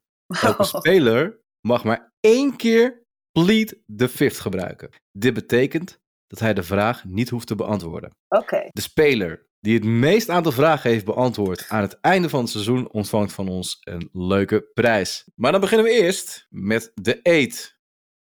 Desiree, Ja. do you believe in God? I believe. You believe. I believe. Beloof jij mij trouw dat jij elke vraag met volle eerlijkheid durft te beantwoorden en zal beantwoorden? Ja, dat beloof ik trouw. Oké. Nou, dan gaan we nu beginnen. We beginnen eerst met een eh, aantal stellingen. Desiree, Mhm. altijd een slechte adem hebben of altijd scheten laten? Alright. Ehm, altijd scheten laten dan maar. Ja? Oké. Oké, Desiree, vraag 2. altijd jeuk hebben of altijd pijn hebben? Uh, beide is even erg volgens mij hoor. Altijd jeuk hebben Altijd of jeuk altijd hebben. pijn hebben? Altijd jeuk hebben dan. Altijd jeuk hebben. Wauw. Moet ik kijken, Altijd. moet ik zeggen wat ik zou willen? Of? ja, welke van de twee zou, je, zou jij dan voor kiezen? Dus als ik jou zou Oh, vragen, ja. Des, wil je altijd jeuk hebben of altijd pijn hebben? Nou, het is beide even erg. Dus altijd jeuk, zeg ik. Ja. Oké. Altijd je teen stoten of altijd op je tong bijten? Ah, altijd op mijn tong bijten. Alles doet zeer. Juist, inderdaad. Nou, nou, kijk, nou gaan we even naar een hele dirty one. Altijd non-stop plassen of non-stop poepen? Jeetje. Wat een vragen. Plead the fifth, baby. Oh. Ehm, ja. Altijd poepen dan maar. Altijd poepen. Die had Ja. ik zelf ook persoonlijk gekozen hoor. Ja. Continu naar de wc gaan, dat is echt niet fijn, denk ik. Heel de tijd eh, plassen, plassen, plassen, plassen. Nee. Nee. hey, dit waren gewoon de stellingen, maar nu gaat het echte werk beginnen. Ja, hè? Ja. the fifth. Mhm. Desiree, je hebt ons beloofd dat je naar waarheid en getrouw alle vragen zou beantwoorden. Je kan maar één keer plead the fifth zeggen. Dat betekent dat je de vraag niet hoeft te beantwoorden. Tot hoever ga jij? Vraag nummer 1. Desiree, Ja. heb je ooit wel eens iets gestolen? Ja. Wat heb je gestolen? Op de lagere school. Ja, wat? Kauwgom. Kauwgom. Ja. En die moest ik terugbrengen. Ja. Ja, kijk, als kind eh jatte ik altijd snoepjes. Want wij kregen Ja, nooit ja. snoepjes thuis. Aha.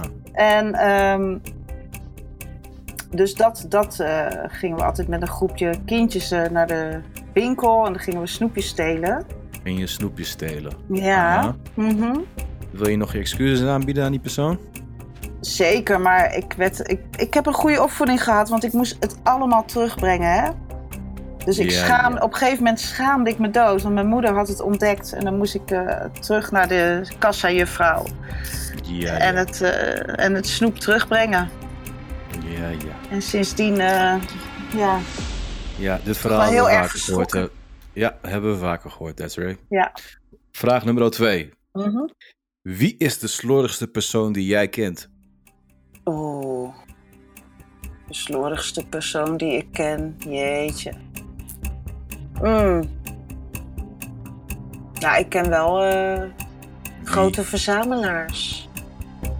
Wie is de slordigste persoon die jij kent? De slordigste persoon die ik ken. Van je naasten, van je vrienden, van je dierbaren? I need an answer. Mhm. Nou, het is een beetje mijn vader en mijn broertje. Die zijn beide verzamelaars en ze kunnen niks wegdoen. Mhm. Maakt ze dat slordig? Dus, nou, je moet nog eh, ruimte hebben in je huis om te kunnen lopen, toch? Zo erg Oké. is het nou. Vraag nummer drie. Mhm. Heb je ooit je vader of je moeder na je zestiende naakt gezien? Jeetje. Ik geloof het niet. Nee? Jawel, jawel. Ja? Tuurlijk, jawel. Ja? Ja, Oké. Mijn moeder begin- dan, hè, zeg ik. Mijn Je moeder en ik zijn eh, close, dus eh, Oké. Ja. Ja. Het waren nog drie simpele vragen. dit was wel redelijk Ja. nog, ja. Ja. Heb je ooit, Desiree, in vraag nummer 4. Heb je ooit geflirt met de partner van een vriend van je? Met de partner Van een vriend van je. van een vriend. Eh, ja, geflirt. Ja, ik denk het wel.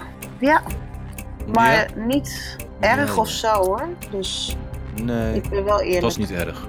Nee, Nee. Oké. flirten mag. Flirten. Wat vind jij, in vraag nummer 5, wat vind jij jouw slechtste release ooit? Mijn slechtste release. Dat is een moeilijke. Ik heb niet echt, eh, volgens mij, een hele slechte release. Nee, je hebt natuurlijk, iedereen heeft een slechte release. Laat ik de vraag anders stellen. Ik Welke- denk aan een liedje, hè? Of, of Ja, bedoel je dat niet? Aan jouw eigen nummers. Dus welk nummer voor jou vind je echt slecht, maar het is toch uitgebracht? Ik hoor nu de denken, deze race. Ja, als ik het ga zeggen, dan heb je die producer daar op je dak. Oh. Hmm. Ik, nou, dit vind ik een hele moeilijke. Hmm, Antwoord heb ik toch echt nu nodig. my heart. Laat ik het dan zo zeggen. My heart. My Heart. Is die uitgebracht? Ja. Oké. De slechtste release van Desiree. Voor de producer die nu luistert, was My Heart. Ja. Maar zo slecht was het niet hoor. Maar ik wil nog even verder. Je durft het wel, hè? Je durft het. Maakt niet uit. We hebben natuurlijk veel meer andere gasten gehad die, net als jou, dachten dat ze ver konden komen. Oh. Dan kom ik bij de volgende. Mhm. Wie is er beter? Ali B of Lange Frans? Ali B. Ja. Ja, Ali B. Ja? Zeg je vol overtuiging, Desiree. Ja, ik heb wel respect voor hem. Oké. Het is wel een eh, echte ondernemer. Ik ben benieuwd of je respect hebt voor de volgende vraag. Desiree, wie is je minst favoriete persoon in je schoonfamilie? Nou, er zijn geen minst eh, favoriete personen. Desiree, Dat is wel een rare vraag hoor. Wie is de minst favoriete persoon in je schoonfamilie? Die heb je. Die heeft iedereen. Nee. Nee, ik moet hier die eh Lead the Fifth inzetten. Die moet je inzetten. Ja, ik hou van mijn familie. Oké. Je begrijpt dat er op dit moment geen plead the fifths meer zijn. Oké. Bij wie in jouw vriendengroep twijfel je wel eens of hij de waarheid spreekt? Eh, dat soort vrienden heb ik niet meer. Heb je niet meer. Nee, Heb je niet. ik heb echt alleen nog maar oprechte, eerlijke, leuke, lieve vrienden. Er is niemand waarvan je denkt van, ja, Nee. je liegt. Nee, nee, Oké, nee. daar ben je mee gezegend. Ja. Ik zou niet anders willen. Je gaat het moeilijker maken, Desiree. Uh-oh. Desiree, je zit op een schip dat op zinken staat. Samen met je moeder, je man, je vriend Patrick Ja. en heb je kinderen? Nee. Je hebt geen kinderen. Dan maken we de kinderen, maken we je vader van. Mhm. Dus je zit op een schip dat op zinken staat, samen met je moeder, je vader en Patrick. Er is maar één reddingsboot aanwezig waar alleen nog maar één persoon in past, samen met jou. Wie red je en neem je mee? En wie laat je aan zijn eigen lot achter? Nee, dit kan niet. Dit is onmogelijk. Dit is onmogelijk. I need an answer. Nee, ik zou eh, zelf eh, zinken. Nee, kan ik niet. zou mezelf. Nee, Kan echt. niet. Kan niet. Ik heb een antwoord nodig. Is het je partner Patrick? Is het je moeder? Is het je vader? Wie? Nee, ik. eh, nee. Ik zou alles ervoor over hebben om hun te redden. Ik heb een antwoord nodig, anders verlies je het spel. Ja, dan moet ik passen. Ik kan niet anders. Ah. Lose. You lose. I'm Vond losing. Oh. Vond je dit nou zo'n moeilijke keuze? Heftig. Tuurlijk. Vond je dit...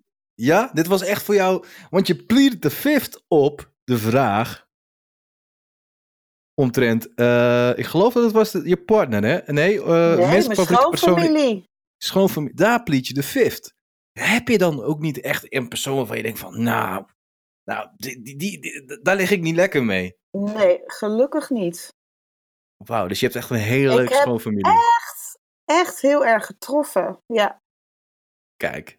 En dan vind je het moeilijk, hè? Het is, het is ook echt een hele moeilijke vraag, want heel veel me- mensen die komen niet door deze vraag heen omtrent de keuze van ja, eh, moeder, vader of partner, of in hun geval als je kinderen had, kinderen. Ja. Wat had je gedaan als ik had gezegd kinderen? Dus moeder, Patrick of kinderen? eh, ja, k- kinderen gaan voor. Die had je meegenomen. Ja. Ik denk het. Ik denk, als ik kinderen had gehad, ja. Maar weet je, je kan je ouders en, en je vriend ook niet achterlaten. Dus dat kan gewoon niet. Wat, maar jij had dus uiteindelijk gezien, had jij dus eigenlijk ook gewoon een einde aan je eigen leven gemaakt. En gezegd, weet je wat, kopje onder met z'n allen. Ik zou zoveel mogelijk doen om de zwakkere eerst die boot in te... Nou, ik vind het. Ik, het is misschien een leuke vraagstelling die je straks aan Patrick kan vragen. Wat zou hij doen? Ja, kan ik het eens vragen inderdaad. Nee, hey, maar Superman, je hebt het in ieder geval wel goed gedaan. Eh, we, zullen, we zullen natuurlijk kijken wat onze andere kandidaten ook hebben gedaan. En eh, ja, eh, ik moet zeggen, ik moet zeggen, ja, ik ben ook een beetje verrast eigenlijk omtrent eh, Ali B of Lange Frans. Ali B, hoezo Ali B? Nou ja, Gewoon, eh, ja, hij komt op mij wel heel eh, sympathiek over. Oké. Ik vind hem wel heel aardig, ja. Maar qua, qua, qua rap skills? Jeetje, eh, ik heb hem eigenlijk nooit echt heel erg goed horen rappen of zo. Mhm. Lange Frans, ja, die brengt wat meer uit met zijn eigen stem, inderdaad. ja. Mhm. Hey, maar je had het over het slechtste release ooit. En ja, die vraag was natuurlijk een hele moeilijke vraag. Maar waarom die plaat? Ja, ik stond een beetje onder druk bij jou, hè. Dus, eh, nou, ik moet eerlijk zeggen, ik heb meegedaan aan eh, het tv-programma De Hit. Ja, En toen heb ik samen en toen? met eh, producers van dat programma dit nummer tot stand ge- ja, gemaakt, zeg maar. Ja? Ehm, en het was een liedje van iemand anders. En, maar Ja. eigenlijk die periode ja, zat ik ook he- heel slecht in mijn relatie. Dus eh, ik moet eerlijk zeggen dat het een beetje een nare periode is geweest. Dus ik heb niet zo, zulke leuke herinneringen ook aan dat nummer. Oké, dus Eh. daarom, dat maakt het dan eigenlijk... eh, Dat maakte dat ik eigenlijk niet meer, liever niet meer het nummer zing of zo. Ja. Oké. hey, en deze vond ik ook wel interessant hoor. Heb je, je zei dat je ooit wel eens geflirt had met een, met een partner van een vriend van je. You. Ik- ik moet- you really mean. Nee, nee, ik moet eerlijk zeggen. eh, ik ben eigenlijk alleen maar liefdevol en niet eh, gemeen flirterig of zo. Ik, ik, ben hele, ik voel me vind mezelf helemaal niet zo sexy Mm. en ik vind flirten eigenlijk best moeilijk. Dus ja, Ja? Hey, Maar, maar wat, voor- wat voor voorkeur qua mannen heb jij? eh, Ja, wat voor eh, voorkeur? Ja, Ja. eh, val je op mannen met een tintje of mannen met, die lang zijn of mannen die kort zijn? mannen met een grote neus, een kleine neus, mannen met een sixpack, mannen zonder sixpack. Nou, ze, ze hoeft, hoeven niet per se mooi te zijn of zo hoor. Dus het gaat meer om eh, de uitstraling. Eh, Ja. Dat iemand ook positief is. En eh, Verdomme, was ik nou maar gewoon in die tijd gewoon 25 of zo. Hè? Toen, ik, ik, ik, ik was vroeger, leek ik een beetje op Pieter Andre. ah, Ja, ja, ja, ja. Ik ging, ik ging er tussendoor als Pieter Andre. Ja, dat was Ja. ook echt. ja, ja, ja. Ja, maar wat ik al zei, weet je, ik denk dat jij. ehm, dat jij ik vind jou sowieso eigenlijk een hele mooie vrouw. En nog steeds tot de dag van vandaag straal je nog steeds. En mm. Ja, ik nou, denk jij dat, mag er ook zijn hoor, Shakib. Ja, ja, Ja, tuurlijk. Ja. Oh, ik kan ik ben helemaal verlegen. Ze heeft het gezegd. ja. Mijn idool zegt dat ik er ook... Nou, nou goed, nou, beste luisteraars. Ik moet zeggen, het was voor mij echt een eer om met jou te praten. Want jij weet niet hoeveel ik naar jou heb geluisterd vroeger. En eh, eh, ik zal je nog een tip, eh, een, een, een, eh, een tip, een, ik zal je nog even iets onthullen. Mhm. Ik ben natuurlijk heel veel jaren MC geweest, hè, overal. ja. En eh, dat is begonnen in Salau. Oh ja. en Ja. en eh, degene die mij daartoe motiveerde was Renee Phillips. Yes. D-Rock. Mijn D-Rock. Die was degene, want ik weet het nog goed, we waren in Salau en hij gaf de mic aan me. Ja. En toen wist ik het, man. Toen, wist ik, toen dacht ik, ja man, dit is het. Ja. Dit wil ik. Dus, Gaaf. dus, dus toen is mijn carrière begonnen. Want toen re- reisde ik terug naar Nederland. En ja, ik stond gelijk... eh, ja, ik weet het nog goed. Ik stond gelijk als vervanging voor eh, de bekende MCG in eh, de nightlife in Maastricht. Ja, en Ja. toen begon mijn carrière. Maar ik ben René altijd dankbaar geweest voor dat. Dus, dus, en dan spreek ik jou nu en denk ik, wauw, weet je, kijk hoe het leven kan gaan. ja. Kijk hoe het leven kan gaan. Maar ik vind je sowieso een inspiratiebron. Ik wens jou echt super veel geluk, gezondheid ook voornamelijk. Ja. Ehm, ik hoop ook echt dat, eh, dat de luisteraars die hebben geluisterd, ook, eh, jullie kunnen ook gewoon naar haar website gaan. Ik, want ik heb gezien dat jij ook een blog bijhoudt, hè? Ja, ik eh, zit natuurlijk op Facebook, op Desiree. eh, maar ik heb ook een website, eh she'sdesiree.com. Mhm. Ehm, ja, waarin ik blogs schrijf en mensen op de hoogte hou. eh.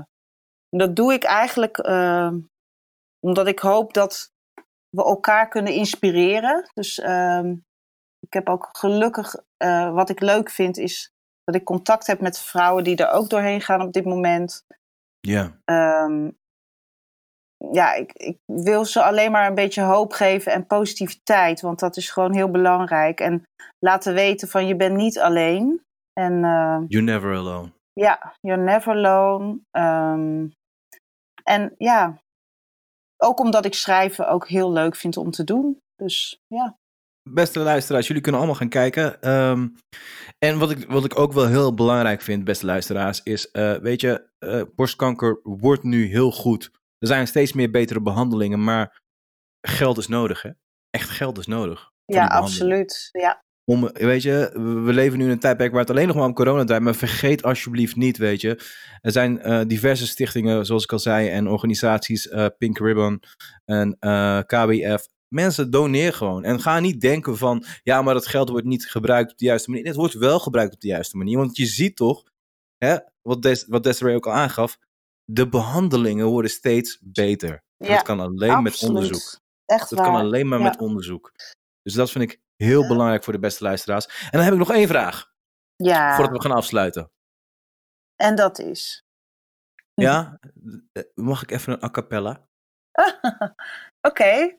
Een a cappella uh, van... Uh, welk liedje? Black and White. Oké, okay, doe ik.